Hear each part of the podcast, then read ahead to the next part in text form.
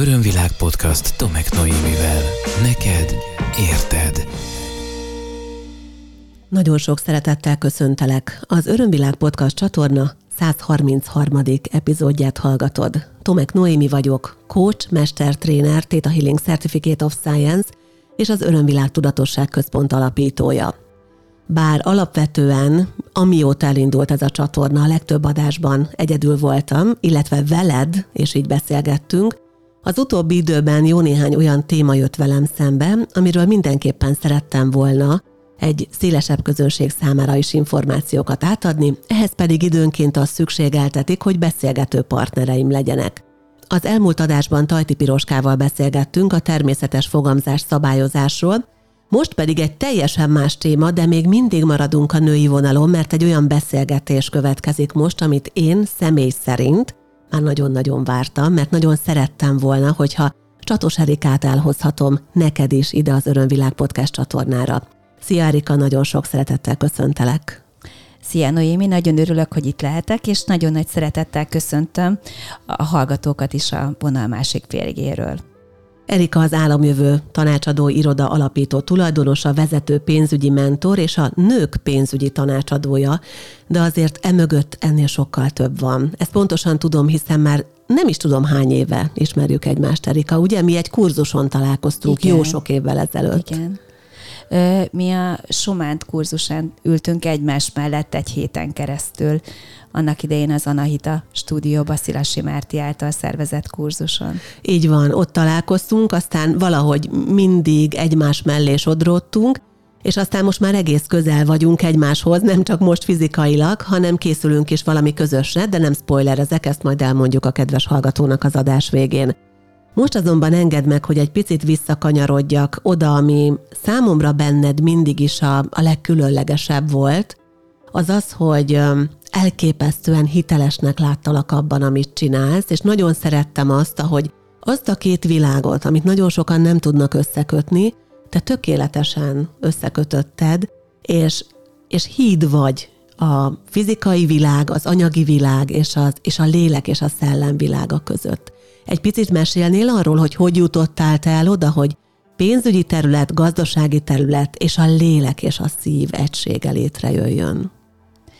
Igazából a, a lelki út az talán egy kicsit hamarabb kezdődött, mint a gazdasági út, mert mondjuk szakmailag én pedagógusként, tanárként kezdtem a munkámat, és 1991-ben találkoztam először az agykontrollal és a Domján Lászlónak a négy napos kurzusán döbbentem arra rá, hogy egy kicsit többek vagyunk, mint a fizikális valunk, és hogy milyen hihetetlen ereje van annak, hogyha, hogyha úgy belőle is koncentrálunk, belőle is figyelünk, és talán ez volt az első lépés, ami elindított engem arra, hogy így egy ilyen belső utazásra induljak.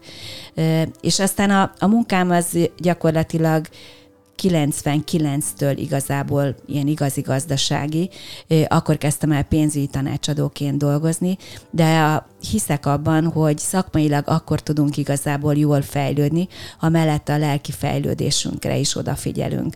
Mert valahol, főleg az én munkámban, ahol emberekkel foglalkozunk, rendkívül fontos az, hogy, hogy megérezzük a szavak mögött lévő igazi valót, mert nagyon sokszor mondjuk azok az energetikai üzenetek sokkal többet mondanak nekünk, mint a kimondott mondatok. Nagyon sokszor érzem egyébként a munkám során azt, hogy nem csak fizikális kérdésekre adhatok válaszokat az embereknek, hanem valahol megérzem a legbelsőbb szorongásukat és félelmüket, amik mondjuk az anyagi kérdésekkel kapcsolatosak, és, és talán a belső kapcsolódásunk teszi meg azt, hogy hamarabb kialakul a bizalom, és általában nagyon hosszú távú üzleti kapcsolatok alakulnak ki. Uh-huh. Már a te munkádból a férfiak egyáltalán nincsenek kizárva, mert nagyon-nagyon sok férfi kliensed van, nagyon sok férfi partnered van, és ott van a párod János, aki nagyon stabil oszlopként ott áll mindig melletted, és ez nagyon jó látni kívülről, de azért alapvetően a, a te munkád az utóbbi időben egy kicsit nagyobb hangsúlyjal terelődik a női témák felé. Mi az, ami téged a női témák felé ennyire intenzíven el tudott indítani? Talán ö, a gyógyítás az önmagam gyógyítása.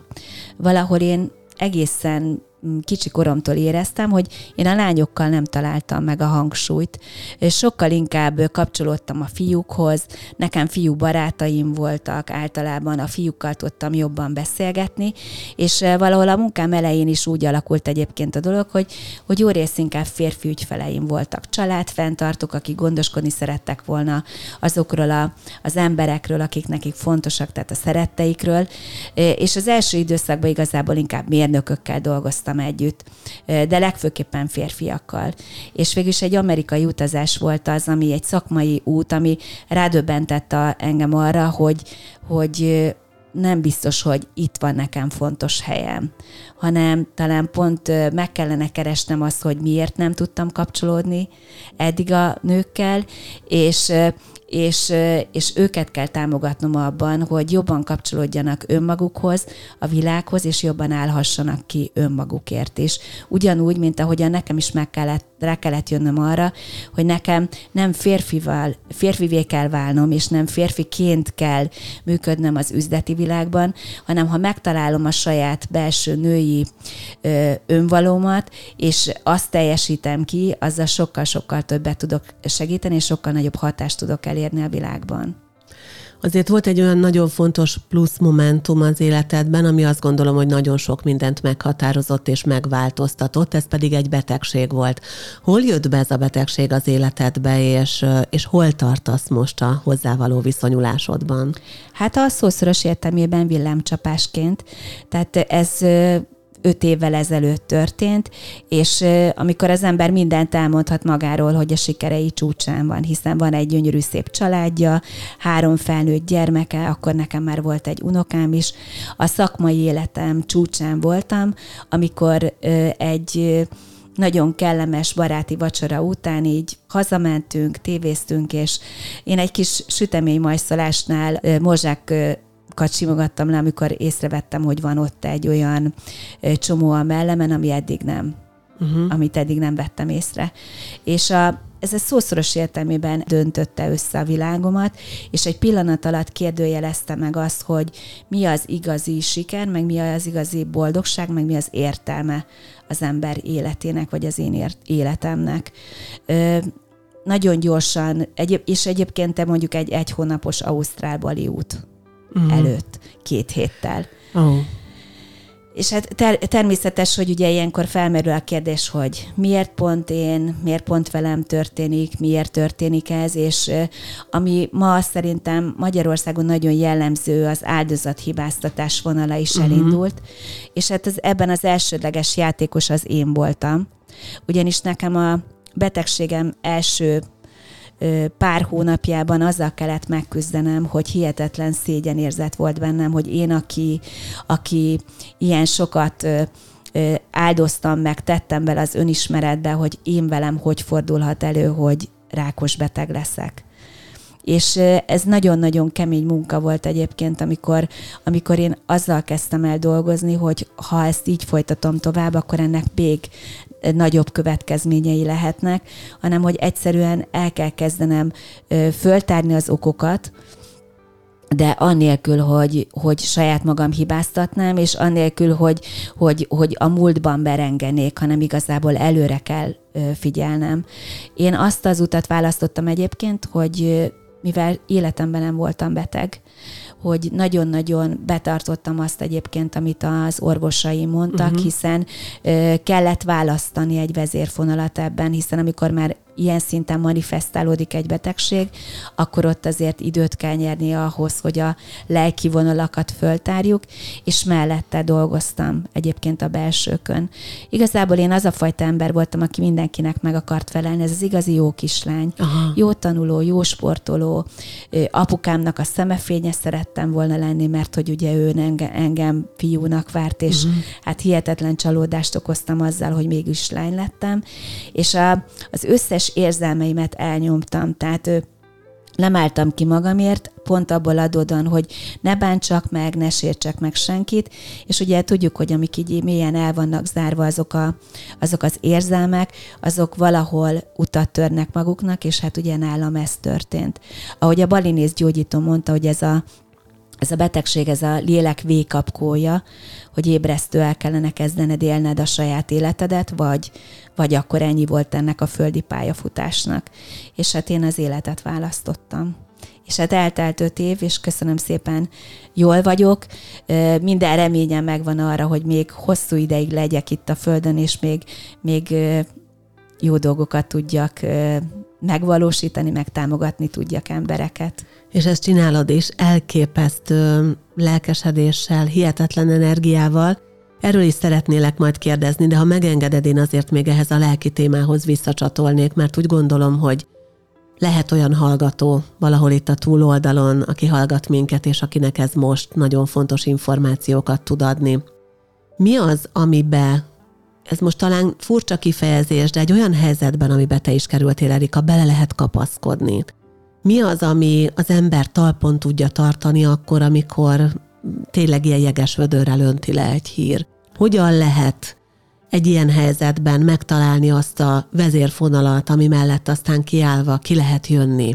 a, a fizikai problémából, miközben dolgozunk a lelkünkön is. Mit tanácsolsz te? Hát én alapvetően nagyon, le, nagyon szerencsés ember vagyok, hiszen azért ö, mellettem ott állt a családom. Így van. Mellettem ott állt a férjem. Uh-huh. Ö, olyan orvosokat kaptam, akik nagyon reményújtóak voltak. Uh-huh. De a legfontosabb az az volt, hogy el kellett dönteni, hogy milyen életet szeretnék ezután. Aha.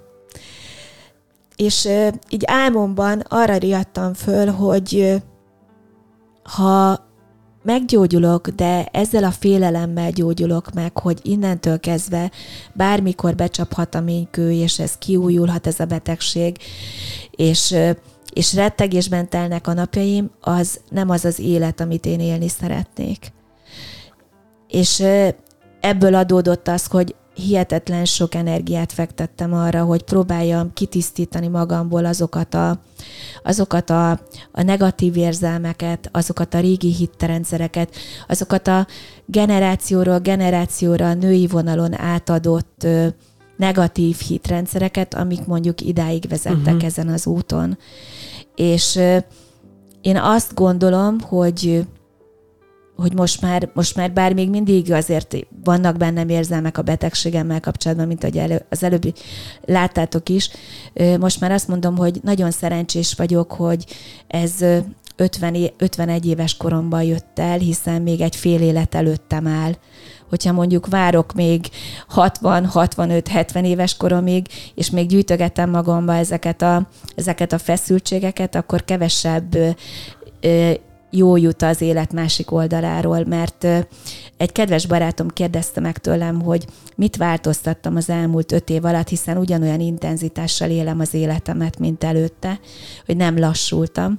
Nekem, nekem nekem a, a munka meg a, zene, meg a tevékenység az, ami feltölt energiával.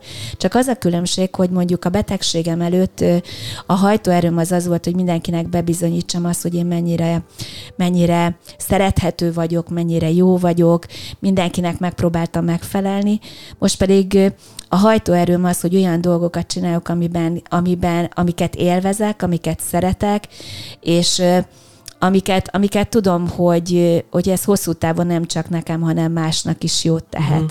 Ez az egyik, és itt most mondom el, hogy, hogy én nagyon sok mindenkinek ki, ki támogattam az elmúlt öt évben, mert nekem a túlélési történetek jelentettek nagy, nagy erőt. Például a Szentesi Évinek a könyve, amikor ő is uh-huh, leírta a betegségét, hogy hogyan jött ki ebből a betegségből, és kifejezetten csak a túlélési történetekre koncentráltam egyébként, tehát én nem mentem fel olyan oldalakra, ahol most bocsánat, ahol együtt sírtunk, sírnak, rénnak az emberek a, a betegségükről, hanem hogy én kifejezetten próbáltam az erőt tartani magamban.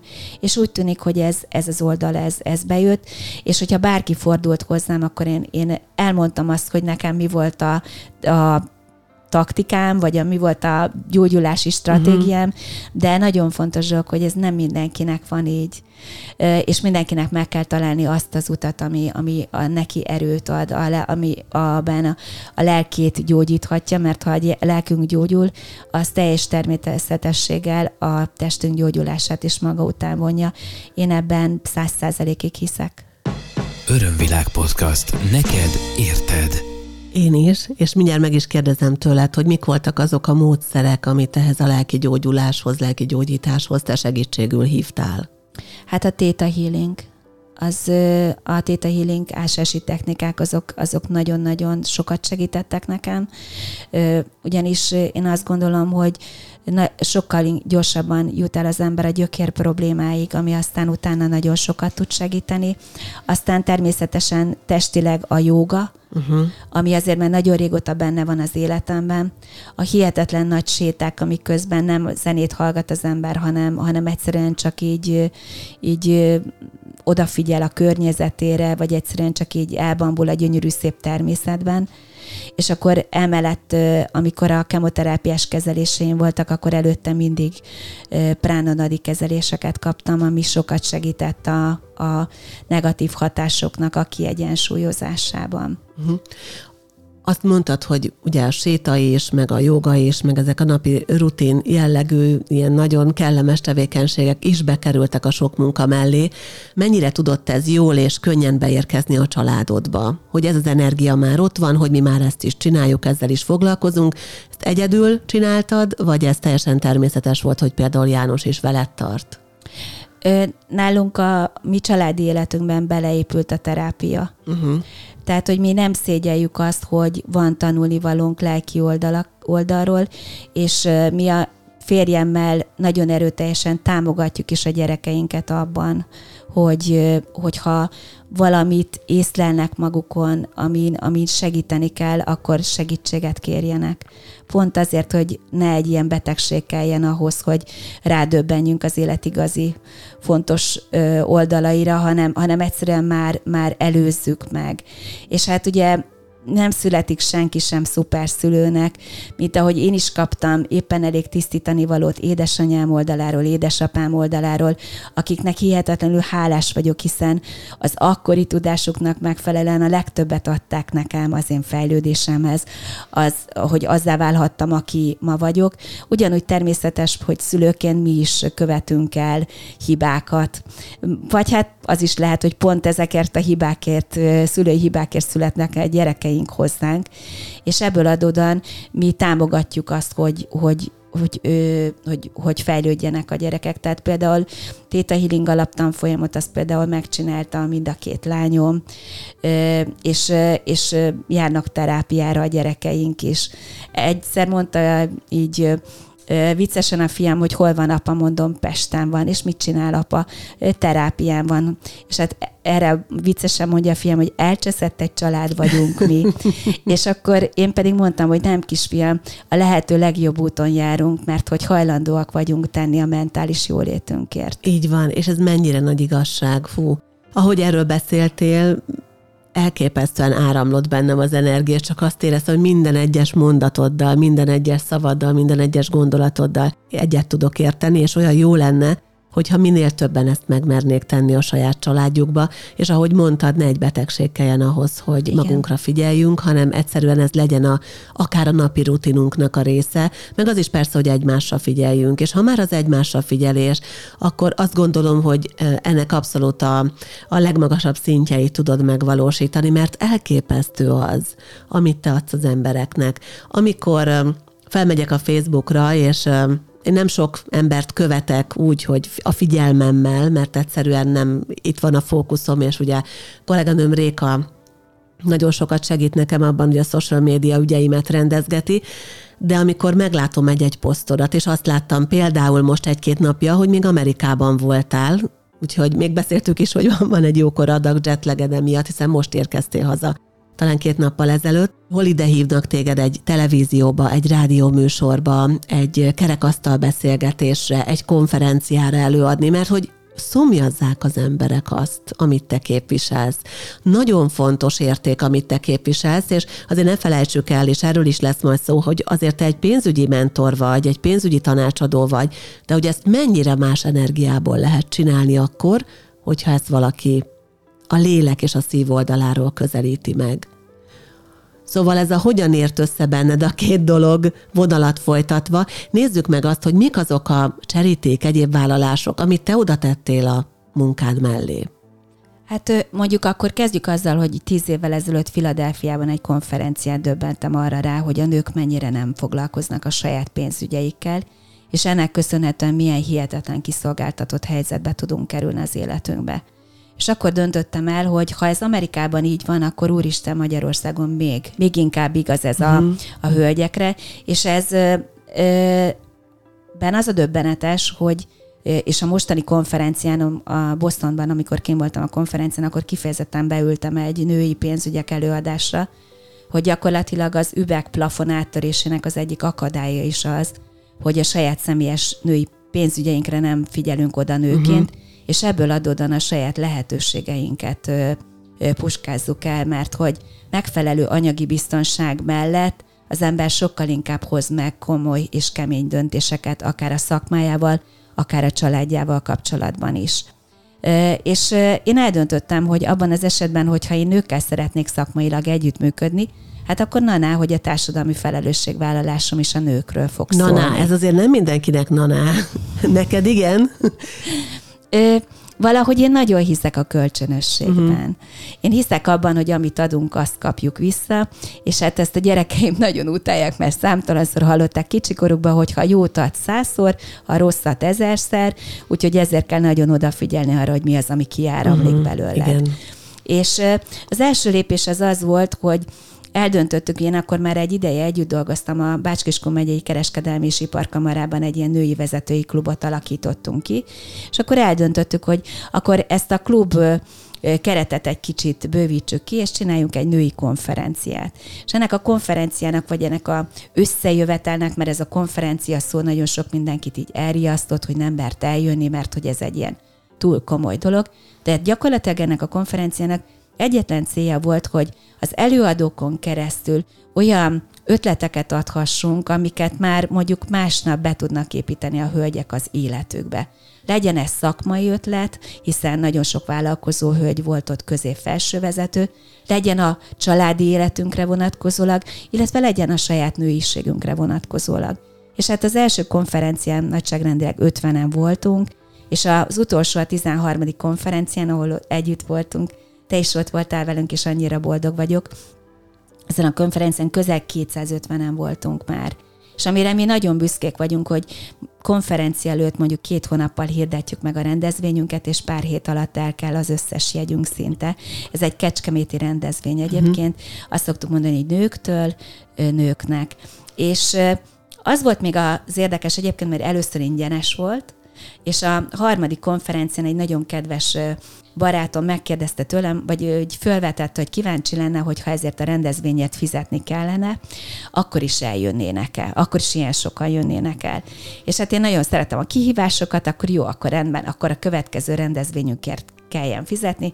3000 forint volt akkor a belépő. Azért gondolom, hogy annál sokkal-sokkal többet kellett a szervezésre költeni már De, akkor Természetesen, is. és akkor viszont azt mondtuk, hogy akkor a bevételből ö, jótékony dolgok mellé uh-huh. állunk. Tehát ez a konferencia, ez nekünk nem for-profit tevékenységünk, a, a költségek levonás után megvaradt összeget azt nőkkel, gyermekekkel kapcsolatos jótékony célokra ajánljuk föl, és amire nagyon-nagyon büszkék vagyunk, hogy ugye természetes, hogy már túl vagyunk ezen a 3000 forinton, többe kerül a belépő, de nagyon színvonalas konferenciánk vannak, és közel 10 millió forint az, amit már jótékony ügyek mellé tudtunk állítani, autizmussal élő gyermekek mellett beteg gyermekeket támogattunk, vagy mondjuk szegénysorban lévő nőket is folytathatnám még a sort. Tehát nagyon büszkék vagyunk arra, hogy nem csak a konferencián támogatjuk a jelenlévőket, hanem a konferencia bevételéből maradandót tudunk alkotni. És hogy milyen jó ott lenni, azt én el nem tudom mondani szavakkal, és tényleg megvalósul az, nem csak ott, nyilván jó az, ha az életünkben is ott van, de de a konferencián részt vevőként itt tényleg érzi az ember, ami a konferencia címe, hogy nőnek lenni jó. És most olyan klassz volt ez az utolsó alkalom is, a, amit említettél, hogy a, a tökéletlen az új tökéletes motto alatt, ami megvalósult, és elképesztő hölgyeket lehet megismerni egy ilyen programon. Az ezt megelőzőn voltam előadó, ami éppen itt a pandémiás időszakban szerveződött még, hát az is elképesztő, csodálatos élmény volt nekem, most pedig úgy vettem részt, hogy volt időm beszélgetni, volt időm ismerkedni, volt időm az összes előadót végighallgatni, és hát elképesztő élményekkel gazdagodtam. Utána pont voltak önismereti csoportjaim, ugye én tartok ilyen csoportokat, és úgy jött ki, hogy azon a héten, amikor hétfőn volt a konferenciád, akkor kedden is, és csütörtökön is az egyik ilyen csoportommal dolgoztam este több órát online térben, és mindegyikbe vittem be azt az energiát. A Pálferi előadásából, az, öni, az önbecsülésről, az önszeretetről hallott dolgokat, az összefogás ereje, a női energia, hogy meg tud nyilvánulni. És ami nagyon izgalmas nekem, és nyilvánvalóan mindig azt mondják, hogy ahogy a fejétől bűzlik a hal, ugye ez pozitív értelemben is igaz, mivel te nem féltékenyen állsz hozzá ahhoz, hogy megozd az információkat másokkal, ezért egy fantasztikus, jó kapcsolatteremtő lehetőség és tudásmegosztás zajlik ezeken a programokon. És azért azt látom, hogy ez gyűrűzik, hogy vannak időnként visszatérő előadók, hogy, hogy tényleg olyan üzletasszonyok, olyan nagyon komoly pozícióban lévő emberek jelennek meg, akiknek az ideje már más értékrendszerbe tartozik, mint az, hogy most bocsánat, de hogy én a saját kis vállalkozásaim mellett mennyi időt tudok arra szakítani, hogy elmegyek valahova, és ott vannak és ott vannak, és jelen vannak, és nem csak azért, hogy megszólaljanak, hanem azért is, hogy benne legyenek ebben az energiában. És hát, ja, hát hallatszik a lelkesedésemben, hogy csak egy picit így mentálisan és érzelmileg visszacsatoltam ezekhez a találkozásokhoz, és hát ez ilyen feltöltő, úgyhogy én mindenkinek csak javasolni tudom, hogy majd figyelje a, a a, a nőnek lenni jó oldalt, akár a Facebookon kövesse be. Nőnek lenni jó konferencia, igen, ez az oldalon. Így van, és ha, ha bekövetett, kedves hallgató, akkor te is értesülhetsz mindig a legfrissebbekről, meg hát ott van ugye az álomjövő is. És azért egy picit csorogjunk át ide az álomjövő felé, mert hát valahogy még úgy rágondolni is jó. Tehát nem tudom, hogy hogy találtad ki, erre is kíváncsi lennék persze, de hogy mit képvisel egyébként az álomjövő leginkább ez a kérdésem. Gyakorlatilag ez egy, ez egy, egy pénzügyi tanácsadó hölgy hivatalos oldala. Aha. Viszont én azt gondolom, hogy én nem tudom elkülöníteni önmagamtól, a személyiségemtől a szakmaiságot. Úgyhogy ebből adódóan ez az oldal egy kicsit különbözik a hivatalos pénzügyi tanácsadói oldalaktól.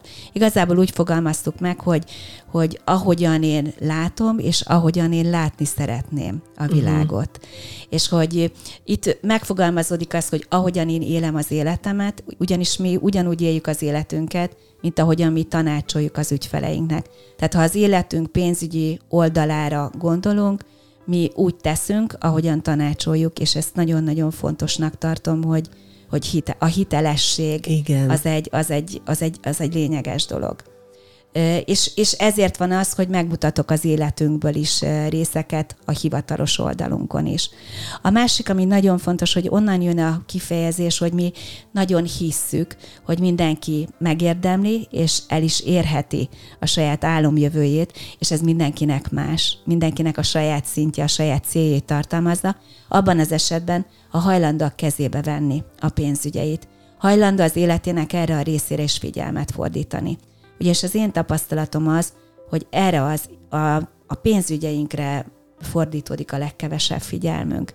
Pedig hát ugye egy család, egy gazdasági egység, és ugyanolyan terveket kell készíteni pénzügyileg, mint ahogyan mondjuk talán vállalkozóként a cégünkben készítünk pénzügyi terveket, vagy mondjuk ha egy vállalat vezetője vagyunk nőként, tapasztalom, hogy 5 évre, 10 évre előre menőleg vannak pénzügyi tervek a vállalat életére uh-huh. vonatkozólag, csak már nem marad energia meg idő arra, hogy a saját pénzügyeinkre fordítsuk a figyelmünket, már pedig van egy olyan kifejezés, és én azt gondolom, hogy ez nagyon igaz, hogy amire a figyelmünket fordítjuk, az nő. Ez pontosan így van, és teljesen tökéletesen egyetértek veled. Magyarországon azért megvan az, a, az az attitűd a kollektívben, hogy vannak dolgok, amik már elmentek előttünk. Ez a busz már elment, erről már lekéstem, stb. Ugye ezek a mondások ott is vannak a közbeszédben. Hogy jó helyen kell jó időben lenni. Igen, meg hogy már szerencséje volt, ugye? Igen, uh, ezt szeretem. Neked könnyű, neked szerencséd igen. volt. Igen, igen, és azért se én nem aranykanállal a szánkba kaptuk a, a baby papit annak idején, hanem ebből azért nagyon sokat tanultunk, hogy honnan indultunk, és aztán ugye ezt fejlesztették tovább. Szerinted van olyan, hogy túl késő, ha a pénzügyekről van szó? Ugye most alapvetően, ahogy mondtad, a, a fókuszod középpontjában, vagy a fókuszodban leginkább a női pénzügyek vannak mostanság, mind a mellett, hogy vannak természetesen férfi ügyfelek is, és a maximális figyelmet és segítséget Abszolút. ők is megkapják, de hogyha mondjuk valaki egy velem egyidős, én most ugye 48. évenben vagyok idén, nő azt mondja, hogy, hogy megváltozott az élete, talán éppen most vált el, vagy talán éppen most jött rá arra, hogy már nincsenek olyan feladatai, mert a gyerekek kirepültek, mert kezdik a saját életüket élni. Ugye körülbelül ez az én korosztályomban, látom is a, egyébként a, a, a korosztályomban a hölgyeket, hogy ez így működik, és azt mondja, hogy oké, okay, de most már én mit kezdjek az életemmel, hol kezdjek el én még a pénzügyi öngondoskodásról gondolkodni, hiszen egész életemben csak azzal foglalkoztam, hogy másokról gondoskodjak, és az, hogy beosszam a kajapénzt, most meg elkezdtek a gyerekek keresni, már nem kell feltétlen annyira dotálni őket, és most, most mit kezdjek vele, mert hogy a nők többsége nem tudja, hogy hosszú távra előre hogyan gondolkodjon, vagy gondoskodjon a jövőről, azt tudja, hogy ami van, azt hogyan ossza be. Igen, ez, hiszen gyakorlatilag a konyhapénz az mindig is a hölgyek. Mindig is a nők dolga volt egy családban, de a, a hosszú távú pénzek azok mindig a férfiak kezében voltak. Ugye alapvetően azért rövid kis liazonunk van nekünk a pénzzel kapcsolatban. Igen. Röpke kis viszonyunk van uh-huh. nőként, hiszen alig 200 évvel ezelőtt még nem, hogy pénzügyeink nem lehettek, hanem a fejünk fölött döntöttek az égvilágon minden témában. És ugye hihetetlen, hogy mit értünk el egyébként társadalmi, politikai, gazdasági szinten, hiszen ha belegondolunk, hogy az amerikai Egyesült Államoknak női alelnöke van, vagy ha, ha belegondolunk mondjuk Magyarországnak is most már a köztársasági elnöke nő, egyre több nő van a nagyon magas gazdasági pozíciókban, de valahol a személyes pénzügyeinket valahogy kihagyjuk ebből. És hogyha pénzről van szó, egyébként még az egy ilyen mm, társadalmi megítélés, hogy a pénz nem boldog, boldogít, meg hogyha sokat foglalkozunk a pénzzel, az anyagiasság az nem egy pozitív tulajdonság. Én azt gondolom, hogy a pénz az egy energia, uh-huh. és nagyon-nagyon jó dolgokra lehet használni, és én inkább a pénz szót a lehetőség szóval pásítanám. Tehát abban az esetben, hogyha megfelelő tartalékokkal rendelkezünk, akkor döntéseket hozhatunk az életünkben mondjuk a pénzhiánya miatt nem kell benne maradni mondjuk egy rossz házasságban. A pénzhiánya miatt nem kell ott maradni egy olyan cégben, ahol már nem teremtek értéket, ahol napról napra csak bedarál engem a munka. A pénzhiánya miatt nem kell döntenem, hogy, hogy vállalok-e még egy gyereket, vagy sem. Uh-huh. A pénzhiánya miatt nem kell mondjuk három hónap múlva, vagy hat hónap múlva visszamennem a munkahelyemre, hanem ha megfelelő tartalékaim és terveim vannak, akkor abban az esetben szabadon lélekből tudok döntést hozni. Az jutott eszembe, miközben beszéltél, hogy én önkormányzati szférában elég sokáig dolgoztam önkormányzati igazgatásban, és rengeteg intézménnyel voltam kapcsolatban. És gyakorlatilag az önkormányzati rendszerekben a gazdasági vezetők a legtöbb helyen nők és a pénzügyeket a legtöbb cégnél egyébként női pénzügyi vezető intézi és számos ilyen nőt ismerek személyesen, és nagyon érdekes az, hogy amíg akár milliárdokat tudott megfelelően jó helyre és, és jól elosztani, és afelett koordinálni, otthon nem volt beleszólása a pénzügyekbe. Tehát nem arról van szó, hogy nincs meg a képesség a nőkben arra, hogy átlássák a pénzügyeket, vagy hogy nincsen elég kompetencia bennük arra, hogy ezzel foglalkozzanak, hanem egyszerűen van valami a kollektívben, ami ezt még mindig nem eléggé mutatja meg nekünk, és nyilvánvalóan ehhez, és ez már az én személyes véleményem, de azt gondolom ebben egyetértünk egyébként, hogy fel kell göngyölíteni a személyes történeteket, hogy mi van e mögött, miért van az, hogy, hogy valaki azt gondolja, hogy még milliárdok sorsáról kvázi dönthet, vagy legalábbis javaslatokat terjeszthet egy képviselőtestület elé azzal kapcsolatban, hogy hova menjen a pénz, akár támogatásokról van szó, vagy bármiről, a közben otthon nem dönthet arról hogy akkor most kerítést csináljunk, vagy kertet rendezzünk, vagy egyáltalán arról, hogy, hogy neki lehet-e valami saját döntése a pénzzel kapcsolatban. Igen, ezt én is tapasztalom, hiszen a, az ügyfeleim jó része multinacionális cég közép-felső menedzsmentjébe tartozik. Valahol, valahol otthon meg másképpen működünk és ez, ez, ennek hosszú távon nagyon komoly következményei lehetnek. Számtalan esetben fordulnak hozzám hölgyek mondjuk vállás után, hogy, hogy segítsek abban, hogy egyáltalán hogy kezdjenek hozzá az életük pénzügyi alapjainak újjáépítésében, ugyanis eddig mindent a férfi, férjükre bíztak. Vagy a másik nagyon-nagyon veszélyes dolog az, hogy, hogy mi nők nagyságrendileg 6-8 évvel tovább élünk, mint a férfiak ami azt jelenti, hogy ha mondjuk öregkorunkra nincsenek megfelelő tartalékaink, és egyedül maradunk, annak hihetetlen anyagi következményei lehetnek. Van egy ilyen kifejezés, ami nagyon szomorú, de nagyon igaz, hogy az időskori szegénységnek női arca van. Ami azt jelenti, hogy szemszerűen nagyságrendel kimutatható az, hogy lényegesen több a szegény idős nő, mint a szegény idős mhm. férfi. Uh-huh. Abból is adódóan természetesen, hogy tovább élünk, meg abból is adódóan, hogy a női keresetpályák laposabbak, meg megakadnak abban, hogy ugye gyermekeket szülünk, a gyerekekkel maradunk otthon, ha betegek, őket támogatjuk, aztán utána mondjuk így 50 éves korunk után bejönnek a szülők, és hát a szülőket is általában a nők támogatják, és egy laposabb keresetpályának természetesen kevesebb a nyugdíjtartalma is. Ezért nagyon-nagyon fontos az, hogy időben kezdjük, és kérdezted azt, hogy mikor, hogy, van, hogy lekéstünk-e a vonatról, vagy nem. A pénzügyeknek a készhezvételének a legoptimálisabb időpontja a most. Ó, ez nagyon bölcs gondolat volt. Mert már azon, a, azon már ö, szomorkodhatunk, hogy miért uh-huh. nem mhm. tíz évvel ezelőtt, mert el tudom neked mondani egyébként, hogy a, mondjuk a nyugdíjunkra való takarékoskodás legoptimálisabb időszaka, amikor először aláírjuk a munkaszerződésünket, de ha ezen túl vagyunk már, akkor az a vonat már tényleg elment.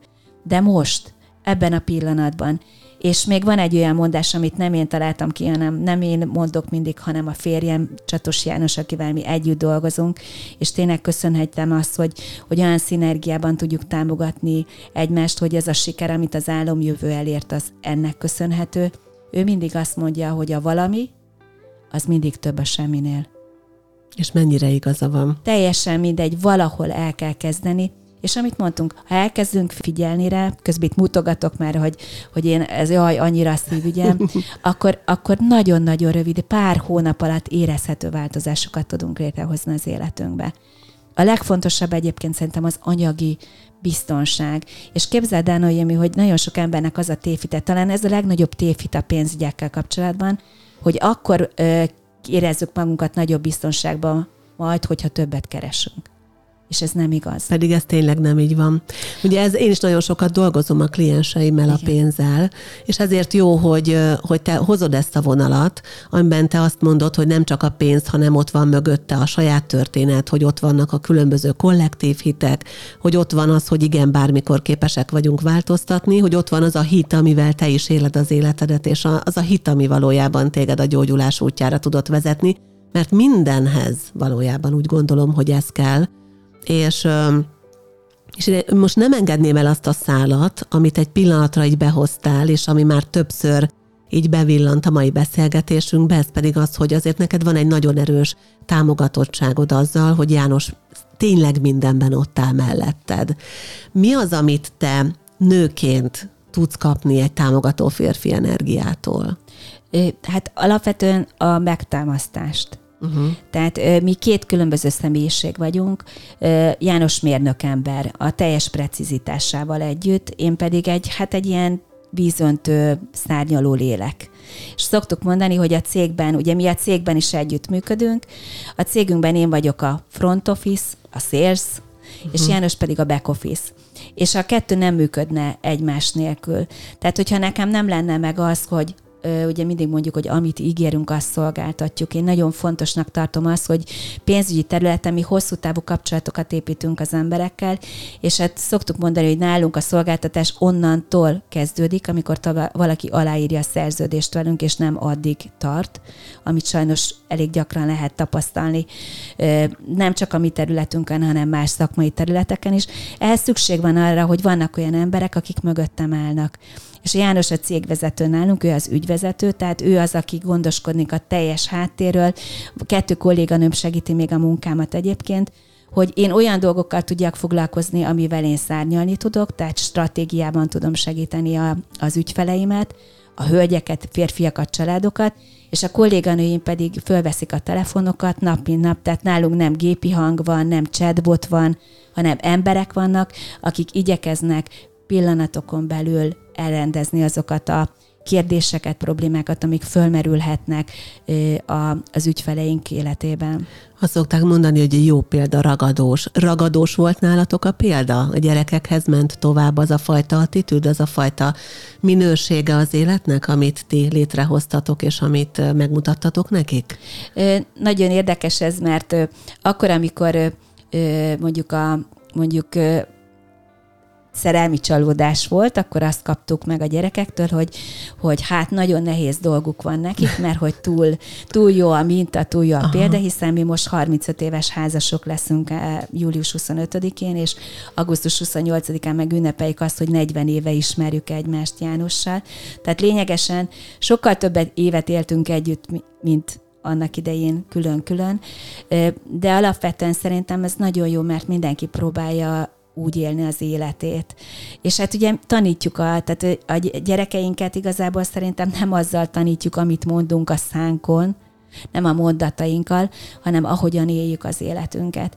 És mi próbálunk Jánossal nem beleszólni a gyerekeink életében, mert annak idején mi ezt a ezt megkaptuk a szüleinktől, hogy támogató jelenléttel voltak, de nem szóltak bele uh-huh. az mhm. életünk nagy kérdéseibe. Megvárjuk, amíg fordulnak hozzánk.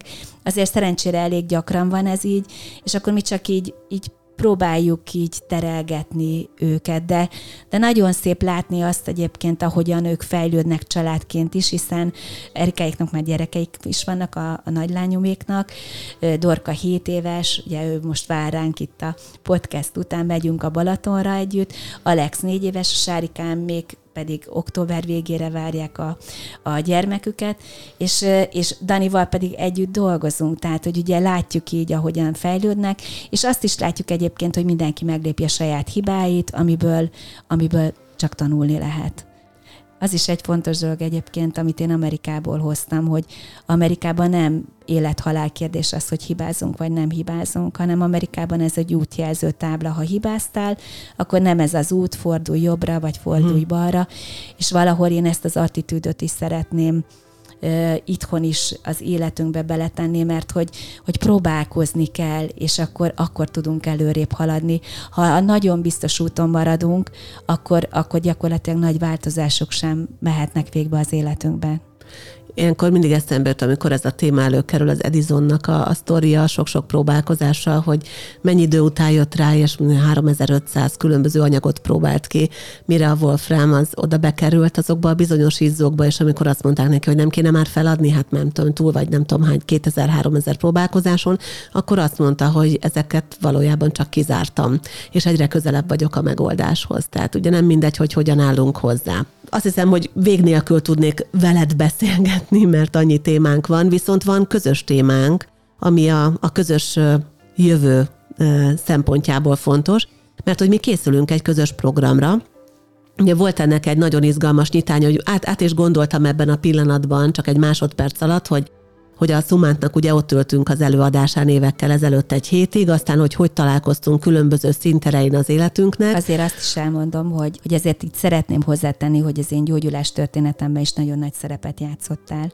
mert azért nagyon sokat voltam azért nálad is különböző ö, élettörténetek feldolgozásában. Köszönöm, hogy ezt elmondtad. Hú, és akkor most nehéz is visszacsatolnom oda, hogy hogy azért mi elkezdtünk közösen gondolkodni, a, a te segítségeddel és a te ajánlásodra kerültem egy olyan kerekasztal beszélgetésben nemrég az Egyenlítő Alapítványhoz, amelyben te is voltál. Ugye az egyik beszélgető partner, illetve ugye a nyugdíjguru volt még ott András, és én lehettem a harmadik, és ott arról beszélgettünk, hogy miért vékonyabb a nők pénztárcája, aztán ugye ment az ötletelgetésünk, és terveztük egy ideje, hogy mi azért fogunk valami közöset csinálni, mert, mert valahogy amikor összekapcsolódunk, az mindig gördülékeny, mint ez a mostani beszélgetésünk is, amit gyakorlatilag csak leültünk, és mindenféle előzetes egyeztetés nélkül elkezdtünk felvenni. Szóval októberben lesz nekünk egy közös programunk, ami a női pénzügyekről szól. Egy picit még erről néhány gondolatot osszunk meg a hallgatóval. Hiszek az edukáció erejében. Tehát, hogy én pénzügyi tanácsadó vagyok, én természetesen abból élek, hogy pénzügyi terveket készítek az ügyfeleim számára, és azok megoldásához megoldási javaslatokat prezentálok, és együtt dolgozunk utána ezeken a, ezeken a terveken. De nagyon hiszek abban, hogy tudatosabbá kell válnunk a pénzügyekkel kapcsolatban, és ehhez ismeretekre van szükség. Valahol én leszeretném rántani egyébként azt a fátyolt a pénzügyekről, amivel kapcsolatban azt mondjuk, hogy annyira bonyolult téma, meg hogy annyira magas matematika, annyira átláthatatlan, hogy inkább nem is foglalkozunk uh-huh. vele. Én szeretnék tanfolyamokat tartani hölgyeknek, aztán majd lehet, hogy családoknak is fogunk, mert egyébként gyerekeknek már régóta csináljuk iskolában, eh, ahol, ahol gyakorlatilag útmutatót adok a mindennapi pénz, pénzügyek kezeléséhez. De egy nagyon fontos tapasztalatom, hogyha cipelünk magunkkal olyan negatív hitrendszereket, akár generációra generációra, akár amit mondjuk a családból kaptunk, akár amit a társadalom közvetít felénk folyamatosan, akkor, akkor nagyon nehéz lesz. Hiába rendelkezünk megfelelő szakmai ismeretekkel, akkor is el fogjuk szabotálni a megoldásokat. És éppen ezért volt, amikor ott egymás mellett ültünk és beszél, beszélgettünk a, az Egyenlítő Alapítvány programján, hogy, hogy ezt együtt kell csinálni. Együtt kell a lelki blokkokat kezelni, és mellé szakmai ismeretet adni. És ez szerintem körülbelül már másnap mi már erről is beszéltünk, hogy a akkor fogjunk össze, mert valahol nagyon egyformán gondolkodunk a lélekről, meg a, a, a, a szellemről, és és én hiszem azt, hogy októberben valami különlegeset tudunk átadni, mert hogy persze vannak talán pénzügyi tanfolyamok is, bár nem hallottam még igazából, de hogy, de hogy a kettőt együtt kezelő tanfolyam erről én még nem és ebből ezzel lehet igazi áttörést, amikor felszabadítjuk a lelket, hogy megérdemeljük azt, hogy anyagi biztonságba éljünk, megérdemlem azt, hogy, hogy legyen választási lehetőségem, megérdemlem, hogy minőségi anyagi életem legyen, hogy ne pazaroljam, ne, ne szabotáljam magamat azzal, hogy elpazarolom a pénzemet bolondságokra, akkor abból, abból valami fantasztikus jó jövőt lehet fölépíteni. Kedves hallgató, ha te most felkaptad a fejed arra, hogy velünk tartanál nőként ezen a programon, hogy a női pénzügyekről szívvel és lélekkel együtt beszélgessünk, tanuljunk, és hogy ebben közösen fejlődjünk, akkor téged is nagyon sok szeretettel várunk. Erika, én köszönöm szépen neked ezt a beszélgetést, megint élmény volt, mint minden találkozás veled, bízom abban, hogy lesz még folytatás, lesz még lehetőség, akár a podcast keretein belül is, akár ugye a közös programunkon és más platformokon, és További sok sikert és nagyon jó egészséget kívánok neked és az egész családodnak. Nagyon szépen köszönöm, és és tényleg nagyon jó beszélgetés volt, én így el is képzeltelek téged, kedves hallgató, itt a másik oldalon, és remélem, hogy, hogy tudtunk neked egy új nézőpontokat adni az élet kérdésével kapcsolatban, és hogy tényleg várunk szeretettel, legyél ott, és vedd kezedbe a pénzügyeidet. Köszönöm szépen, hogy itt voltál velünk, értő figyelmeddel, hogy hallgattál ránk, hogy velünk voltál, hogy beszélgethettünk egymással. Ha szeretnél máskor is beszélgetni tudatosságot, önismeretet és spiritualitás érintő témákról velem és partnereimmel, akkor katta www.örömvilág.hu honlapra, ahol minden korábbi epizódot és majd minden későbbit megtalálsz, illetve ajánlom figyelmetbe YouTube csatornámat, ahova ér feliratkozni, és ahol már videós tartalmakkal is készülök neked, Programjaimat pedig eléred a www.örömvilág.hu per programok oldalon. Szeretettel ölellek. Ez volt az Örömvilág podcast Tomek Noémivel. Hétről hétre új témák, érdekes nézőpontok a tudatosság útján járóknak. www.örömvilág.hu Témát ajánlanál? Podcastkukac örömvilág.hu